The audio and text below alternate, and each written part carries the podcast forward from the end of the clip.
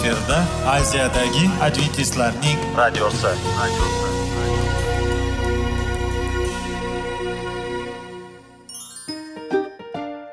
Assalomu alaykum aziz radio tinglovchilar. Sog'liq daqiqasi rubrikasiga xush kelibsiz.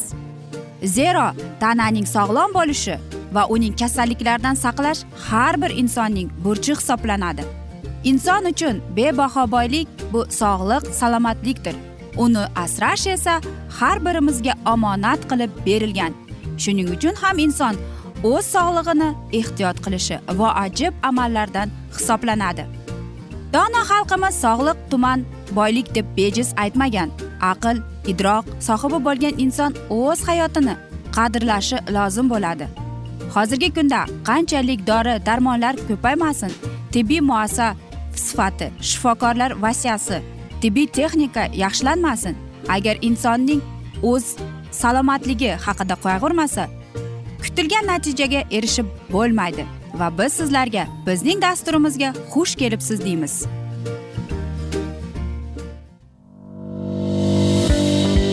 Sog'liq daqiqasi soliqning kaliti qiziqarli ma'lumotlar faktlar. Har kuni siz uchun foydali maslahatlar. Sog'liq daqiqasi rubrikasi rubrikasi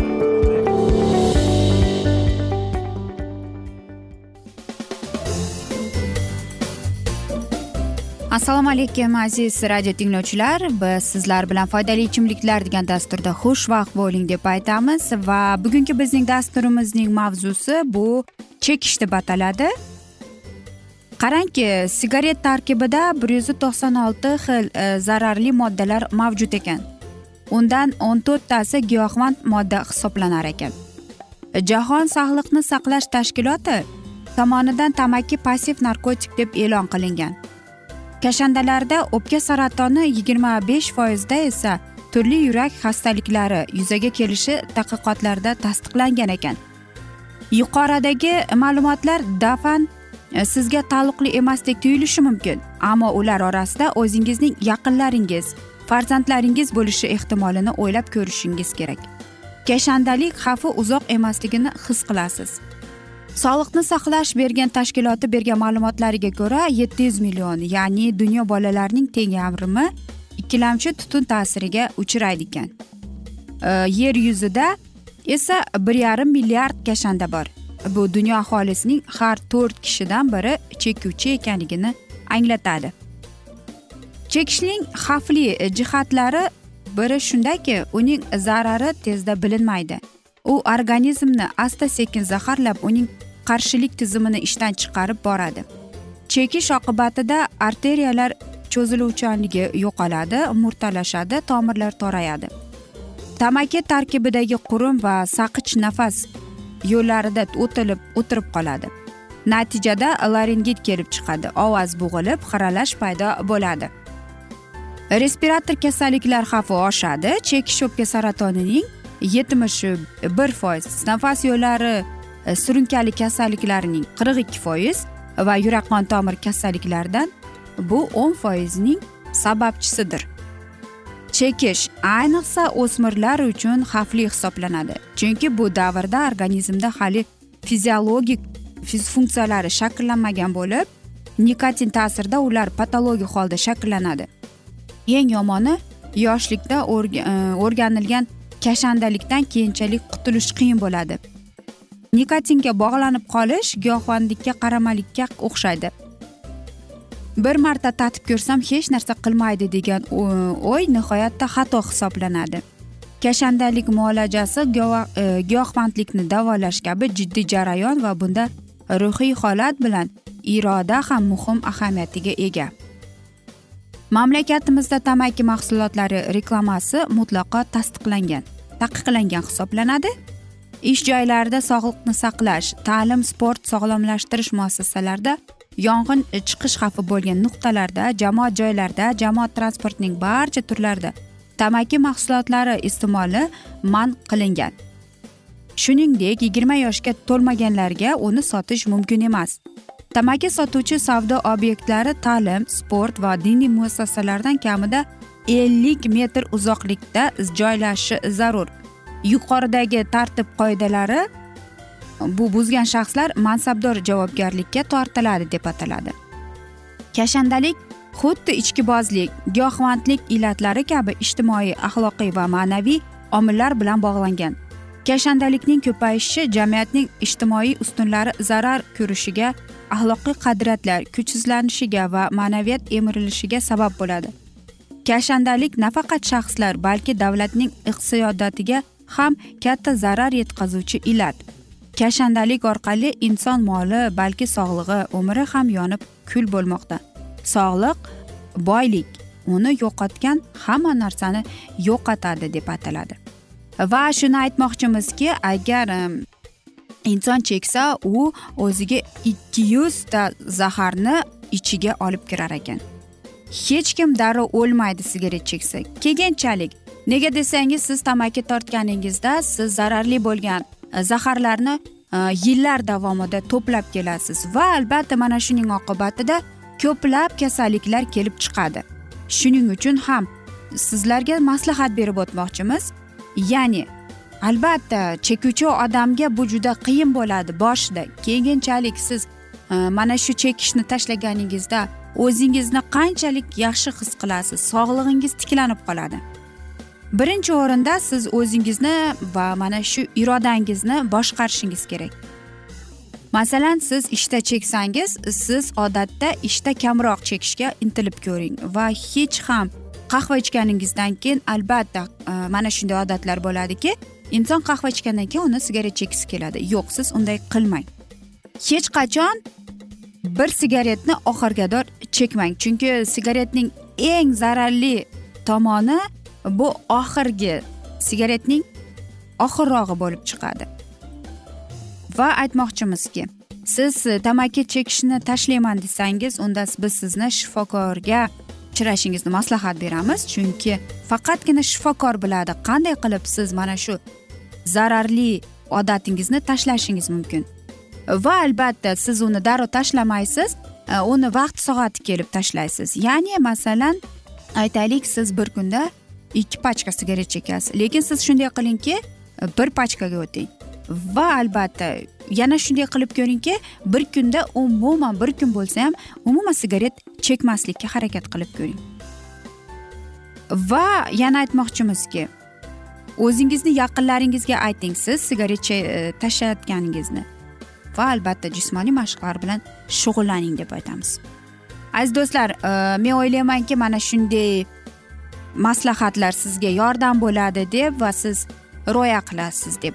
Biz esa bugungi dasturimizni yakunlab qolamiz afsuski va sizlarda savollar tug'ilgan bo'lsa biz sizlarni salomat klub internet saytimizga taklif qilib qolamiz. Va biz umid qilamizki siz bizni tark etmaysiz deb chunki oldinda bundanda qiziq bundanda foydali dasturlar kutib kelmoqda. Aziz do'stlar o'zingizni va yaqinlaringizni ehtiyot qiling deb xayrlashib qolamiz.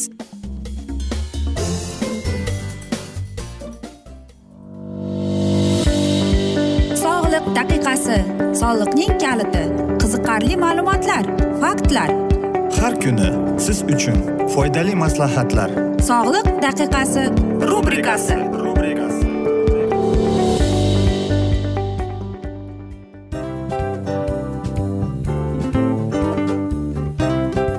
mana ha hayotda hamma narsaning yaxshi narsalar tugaydi va yakunlaydi degandek bizning dasturimizga ham yakun keldi.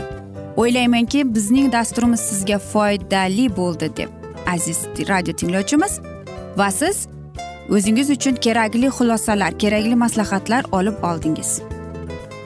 Aziz radio tinglovchimiz biz bilan qoling va keyingi dasturlarimiz albatta undanda qiziqroq bo'ladi. Mana shu alfozda sizlar bilan xayrlashib qolaman.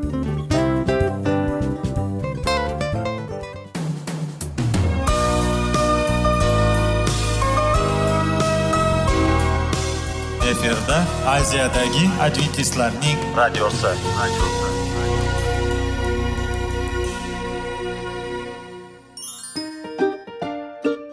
Assalomu alaykum aziz radio tinglovchilarimiz. Dil izhori dasturimizga xush kelibsiz. Pul insonni baxtli qiladimi?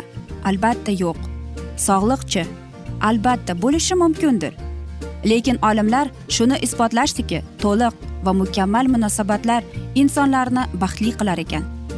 Albatta biz hayot davomida biz yaqin insonlar bilan odamlar bilan aloqada bo'lamiz va ular bilan munosabatlarimiz qanday kechadi qanday tuziladi? Yigit va qiz er va xotin ota ona va farzandlar va yaqin insonlar bilan. Balkim hozirgi vaqtda kimnidir hayoti yoki munosabatlari buzilyapti. Va bizning dasturlarimiz ularga yordam bo'ladi deb. Va oldinda sizlarni qiziqarli intervyular va mavzular kutyapti va biz umid qilamizki siz biz bilan qolasiz deb.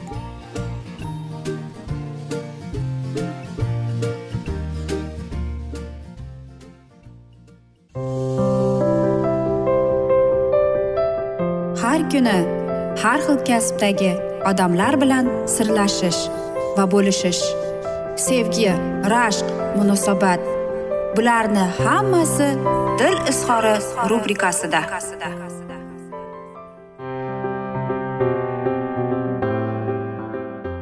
Assalomu alaykum aziz radio tinglovchilar. Dasturimizga xush kelibsiz va biz sizlar bilan erkaklar marsdan ayollar veneradan degan dasturda xushvaqt bo'ling deb aytamiz. Va bizning bugungi dasturimizning mavzusi baxtli bo'lishning qonunlari deb ataladi. Kundalik turmushimizda biz e, ko'p bora ho'p bo'ladi. Roziman kabi ijobiy hal qiluvchi so'zlarni ishlatamiz. Shu bilan birga yo'q aslo kabi rad javobini anglatuvchi so'zlarni ham qo'llaymiz. O'z navbatida ota onamiz turmush o'rtog'imiz farzandlarimiz bilan munosabatlarimizda ularni xafa qilib qo'yishdan qo'rqib yo'q deya olmaymiz. Bunday vaziyatda ba'zan ularning istaklariga tishimizni tishimizga qo'yib bo'lsada chidashimizga to'g'ri keladi. Aslida yo'q so'zida ham samiylik va ishonch bor. Samimiy yo'q deya oling deb aytamiz. Bolaligimizdan ma'lum bir tushunchalarga tayanib tarbiya topamiz. Masalan ota onamizga o'zimizdan kattalarga yo'q demaslik agar yo'q desak ular bizdan xafa bo'lishi tanbeh berishi urishi mumkinligi va hokazo narsalar. O'shanda bola turib turib qat'iy xulosaga kelganimizdek yo'q deyish bu yomon. Shunday deyishimiz bilan biz yomon bola yoki yomon qizga aylanamiz. Ulg'ayganimizda biz shu tushunchaga sodiq qolib xatti harakatlarimizni ham shunga qarab bajaramiz. Yo'q deyishimiz bilan haqiqiy istagimizni bildira olamizmi? Xohishimizga qarshi bormaymizmi? Munosabatlardagi insonlarimizga yo'q deya olmay keyin ulardan qochib yurishimiz yaxshimi? Balki og'rinib yurgandan ko'ra rad javobini berishni ham bilish kerakdir. Albatta to'g'ri kerak vaqtda inson yo'q deyishi ham bilishi kerak deb o'ylayman. Har doim ham e, hamma takliflarga xo'p deganingiz bilan takliflarning adog'i bo'lmaydi va natijada umrimizning asosiy vaqtini boshqalarning hojatini chiqarish uchun sarflaymiz. O'zimizni esa ma'lum darajada unutamiz. Inson avvalambor o'zi uchun vaqt ajratish va ichki ehtiyojlarni qondirish kerak. Ana o'shanda hayotdan qoniqish hissi paydo bo'ladi. Aks holda hammaning hojatini chiqarib xo'p deyaversak o'z ichki talabimizni bajarmasak o'z o'rnimizni hayotda yo'qotib qo'ymaymizmi degan savollar kelib chiqadi. Yoki bu bizning ruhiyatimizga diskomfort hosil qiladi deb aytishimiz ham mumkin. Albatta hayot o'zi aslida qarama qarshilikdan iborat. Kun va tun oq va qora yaxshi va yomon ha va yo'q. To'g'ri salbiy so'zlardan ko'ra ijobiy so'zlar chiroyli eshitiladi lekin birovning e, ko'nglini olaman deb o'z ko'nglingizni ranjitimish e, ranjitishimiz ham yaramaydi. Yo'q deyishning ham variantlari juda ko'p. Yo'qni tushuntirish orqali samimiy ayta olsak boshqalarning ko'nglini ranjitmasligimiz mumkin. Qarangki mening hayotimda yo'q so'zi juda katta foyda keltirgan. Hayotimni ijobiy tomonga o'zgartirgan kollejni tamomlab ishga kirmoqchi bo'lganman. Bir tashkilotga ish so'rab borsam qat'iy yo'q degan javobni olganman. O'shanda juda xafa bo'lganman va bu menga qattiq ta'sir qilgan. Shundan so'ng universitetga o'qishga kirish uchun kuchli tayyorgarlik ko'rdim. Oliy yurt o'quv yurtiga o'qishga kirdim. Demoqchimanki o'shanda meni ham ishga olmagan insonning yo'q deb aytgan so'zidan ta'sirlanib o'qishga kirib ketdim. Bu albatta o'sha paytda men o'sha insonni yomon ko'rganman lekin hozirgida men unga tashakkur aytaman. Albatta yo'q so'zini eshitish og'ir aytish ham kerakki lekin aytib bo'lganimizdan keyin o'zingizni yengil his qilasiz to'g'rimi? Albatta ba'zan xo'p deb o'zimiz noqulay ahvolga tushib qolamiz. Va xayolimizda o'ylaymizki nega yo'q demadim deb afsus ham qilamiz. Bizning e, afsuski bizning mentalitetimizda mm, tarbiya birinchi o'rinda turadi. Kattalar xo'p degin yo'q degin kelsa ham xo'p degin deb e, shunda boradigan oilangga yoqasan deb qizlarga tarbiya berishadi. Buning uddasidan chiqmagan degan qiz bir xonadonga kelin bo'lgach o'ziga yoqsa yoqmasa xo'p ha deb o'zining fikriga qarshi borsa ham oila baxti uchun o'zining ko'nglini oxirgi kun o'rniga qo'yadi. Lekin hayot bir chiziqdan iborat emas. Bir yillik ikki yil xo'p deb charchagan kelin keyinchalik o'z fikrini himoya qilishga kirishadi. Qarabsizki uning so'zlarigada yo'q so'zi so'zi ko'payib boradi. Shunda qaynona ham turmush o'rtoq ham kelinni ham salbiy tomonga o'zgarganda ayblashadi. Natijada oiladagi iliq munosabatlarga putur yetadi. Shunday ekan biz yangi oilaga kelin bo'lib borayotgan qizlarimizga samimiy yo'q deyishni boshidanoq aytishlarimiz o'rgatishimiz kerak. Lekin bilasizmi ba'zida shunday bo'ladiki insonlar ular yo'q deyishga qiynalishadi. Hayotda turli insonlar bilan munosabatda kirishar ekanmiz. O'z savollarimizga iltimoslarimizga nisbatan ijobiy ha salbiy yo'q degan javoblarni olamiz. Yo'q deyish qanchalik qalbimizga og'ir botmasin ayrim e, vaziyatlarda rad javobini berish nafaqat o'zimizga balki suhbatdoshimizga foydadan xoli bo'lmaydi. Faqat buni samimiy ohangda ayta olishimiz va nima uchun yo'q deb javob berganimizning tushuntirib berishimiz lozim. Va mana shunda munosabatlarimizda nizoli vaziyatlarning oldini oladi. Hammasi yo'q so'zini qanday usulda ishlatishimizga bog'liq. Albatta bu E, oddiy narsa. Lekin o'ylaymanki sizning e, fikringiz o'zgarib qoladi bizning dasturimizdan so'ng. Chunki biz sizlarga birozgina maslahat berib o'tyapmiz. Va bilasizmi e, aytishgandek hamma yaxshi narsaning yakuni keladi deb bizning dasturimizga ham afsuski yakun kelib qoldi. Chunki dasturimizning vaqti birozgina chetlatilgani sababli. Lekin keyingi dasturlarda albatta mana shu mavzuni yana o'qib eshittiramiz. Va biz umid qilamizki siz bizni tark etmaysiz deb chunki oldinda bundanda qiziq va foydali dasturlar kutib kelmoqda. Va albatta biz sizlarga va oilangizga tinchlik totuvlik tilab yuzingizdan tabassum hech ham ayrimasin deb. Aziz do'stlar va albatta seving seviling deb xayrlashib qolamiz omon qoling deymiz.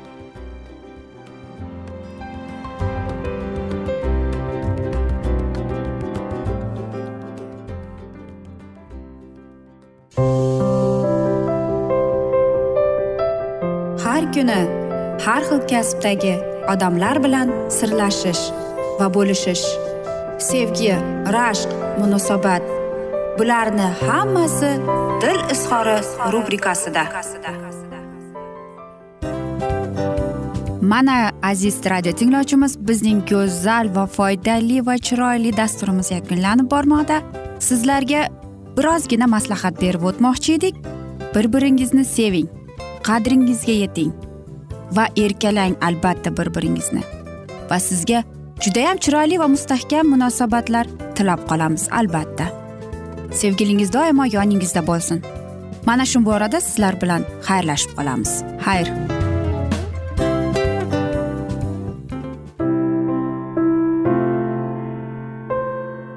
Hayotning noni.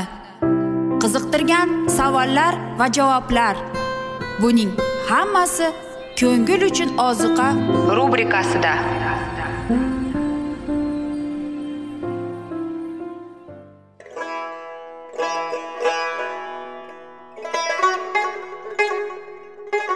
Assalomu alaykum aziz radio tinglovchilarimiz. Ko'ngil uchun oziqa rubrikasida xush kelibsiz deymiz. Siz haqiqatni izlayapsizmi? Olamnimi? Umidnimi? Siz kimga murojaat qilmoqchisiz? Odamlar ko'pincha siyosat kuchiga tayanadilar. Dunyo iqtisodiyoti holati tobora chuqurlashib bormoqda. Tabiiy ofatlar va texnogen halokatlar minglab insonlarning hayotini olib ketib juda katta zarar yetkazmoqda. Sizga abadiy hayot inomini hadya qiluvchi va hayotingizni tubdan o'zgartiruvchi haqiqatni izlab toping. Xudo haqidagi haqiqat uning kalomida mujassamlashgan.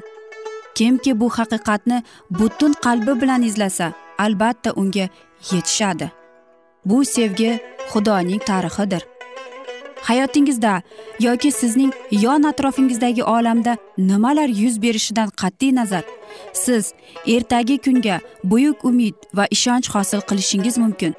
Hozirda xudo sizga taklif qilayotgan umid ishonchga o'z qalbingizni oching va sizni qiziqtirayotgan mavzularni savollaringizga javoblaringizni topib olasiz deb umid qilamiz.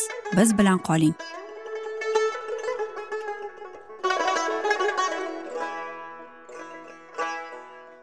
Assalomu alaykum aziz radio tinglovchilar. Dasturimizga xush kelibsiz va biz sizlar bilan ulug' kurash degan kitobni o'qib eshittirishni boshlagan edik va bugungi dasturimizning mavzusi bu voqelik siri deb nomlanadi va biz sizlar bilan o'tgan galgi mavzuni bugun davom ettiramiz. Ularning izdoshlari esa hozirgi paytda tirilish haqida hech e, haqida juda kam eslaydilar. Havoriylar tirilish haqida ishonch bilan vaz qilganlari singari ilk masihiylar ham shunga nihoyatda ishonganlar.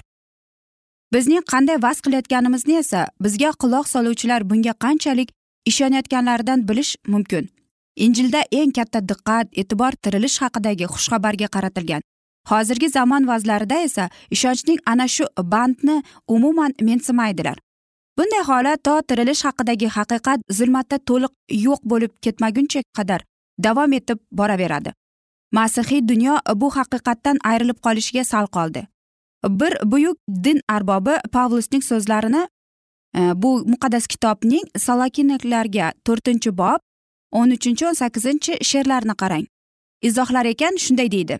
Xotirjam qilish va qulaylik tug'dirish maqsadida soliqlarning buyuk abadiyat haqidagi nazariyasi rabbiyning olamga ikkinchi bor qaytishi haqidagi har qanday shubhali ta'limotni bizning ongimizdan siqib chiqarmoqda. O'limizdan so'ng rabbiy bizni olib ketgani keladi. Biz aynan shuni kutmoqdamiz va shunday umidvormiz. Marhumlar shon shuhratga shuhratda bo'ladi. Ular hukm va abadiy huzur halovat haqida xabar beruvchi karna ovozlarni kutmayaptilar. Iso o'z shogirdlarini tark etib ketayotganda ular tez orada masihning huzuriga kelishlarini shogirdlarga u aytmagan.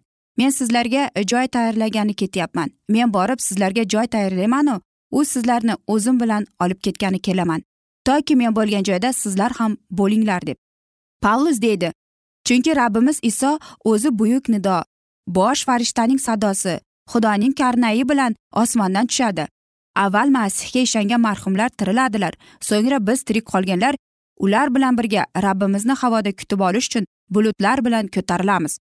Shu tariqa hamisha rabbimiz bilan birga bo'lamiz. Ana shu so'zlar bilan bir biringizni ovuntiringlar universal jamoat ruhoniysining va'zidan olingan sitatalar biz yuqorida keltirgan ushbu tasalli so'zlariga naqadar qarama qarshidir E, jamoat ruhoniysi azob chekayotgan o'z birodarlarini yupatib har qanday gunohdan qat'iy nazar mahkumlar albatta farishtalar jamiyatiga osmonga ko'tarilishini ishontirib aytadi. Pavlus esa masihning olamga qayta kelishini qabrlar buzilib masihda o'lganlar abadiy hayot uchun tirilishlarini ta'kidlaydi inson huzur halovat dargohiga kirgunga qadar uning hayoti va xatti harakatlari sinchiqlab o'rganilishi zarur. Har bir bandaning ishlari xudo tomonidan tekshirilishi kerak. Osmon kitoblaridagi yozuvlarga ko'ra hamma hukm qilinadi va qilmishlariga yarasha taqdirlanadi. Bu sud jarayoni o'limdan keyin yuz bermaydi. Havoriy pavlusning so'zlariga e'tibor bering. O'zi qo'ygan zot orqali u dunyoni adolat bilan hukm etadigan bir kun tayin etdi.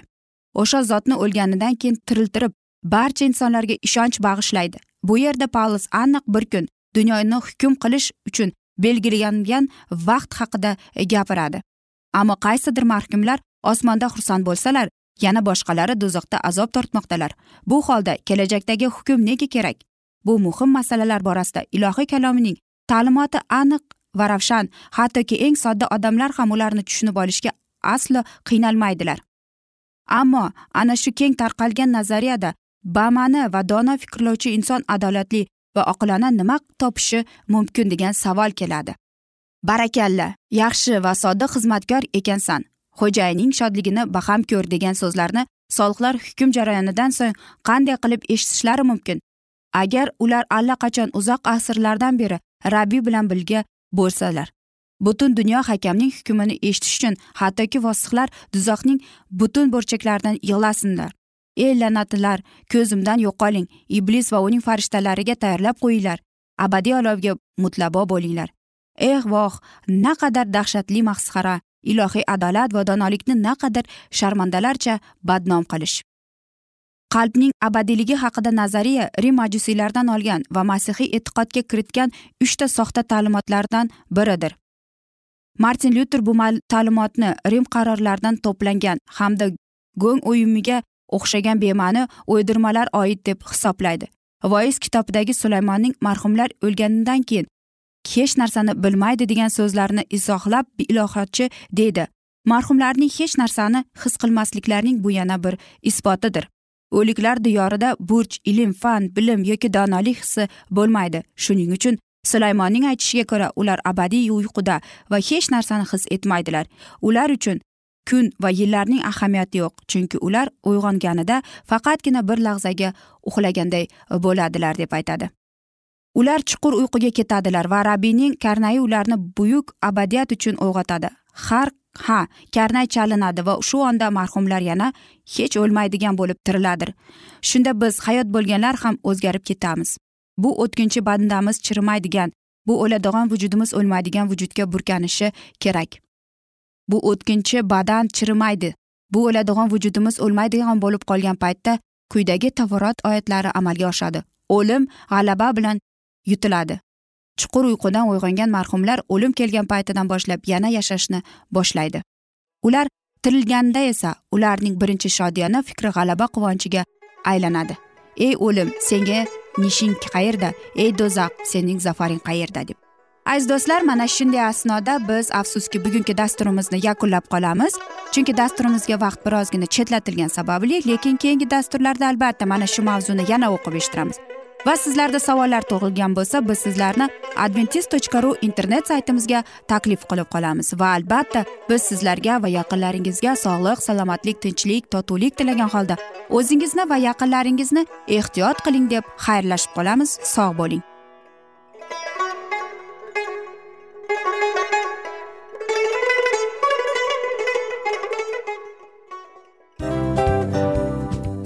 Afsus afsus. Hamma yaxshi narsaning ham yakuni bo'ladi degandek bizning foydali va qiziqarli dasturlarimiz ham yakunlanib qoldi. Va men umid qilamanki bizning dasturlar sizga ozgina bo'lsada maslahat berdi foyda berdi. Va sog'liq borasida ayniqsa sizlarga foydali bo'ldi deb. Va siz bizning maslahatlarga amal qilasiz deb. Albatta keyingi dasturlarda undanda qiziqroq undanda foydaliroq ma'lumot berishga harakat qilamiz. Undanda qiziqroq ko'rsatuvlar sizlarga hadya etishga harakat qilamiz. Bizni tanlaganingizga albatta sizlardan minnatdormiz. Sizlarga baxt omad va sog'liq tilab qolgan holda mana shu alfozda sizlar bilan xayrlashib qolamiz. O'zingizni ehtiyot qiling sog' bo'ling omad sizga xayr.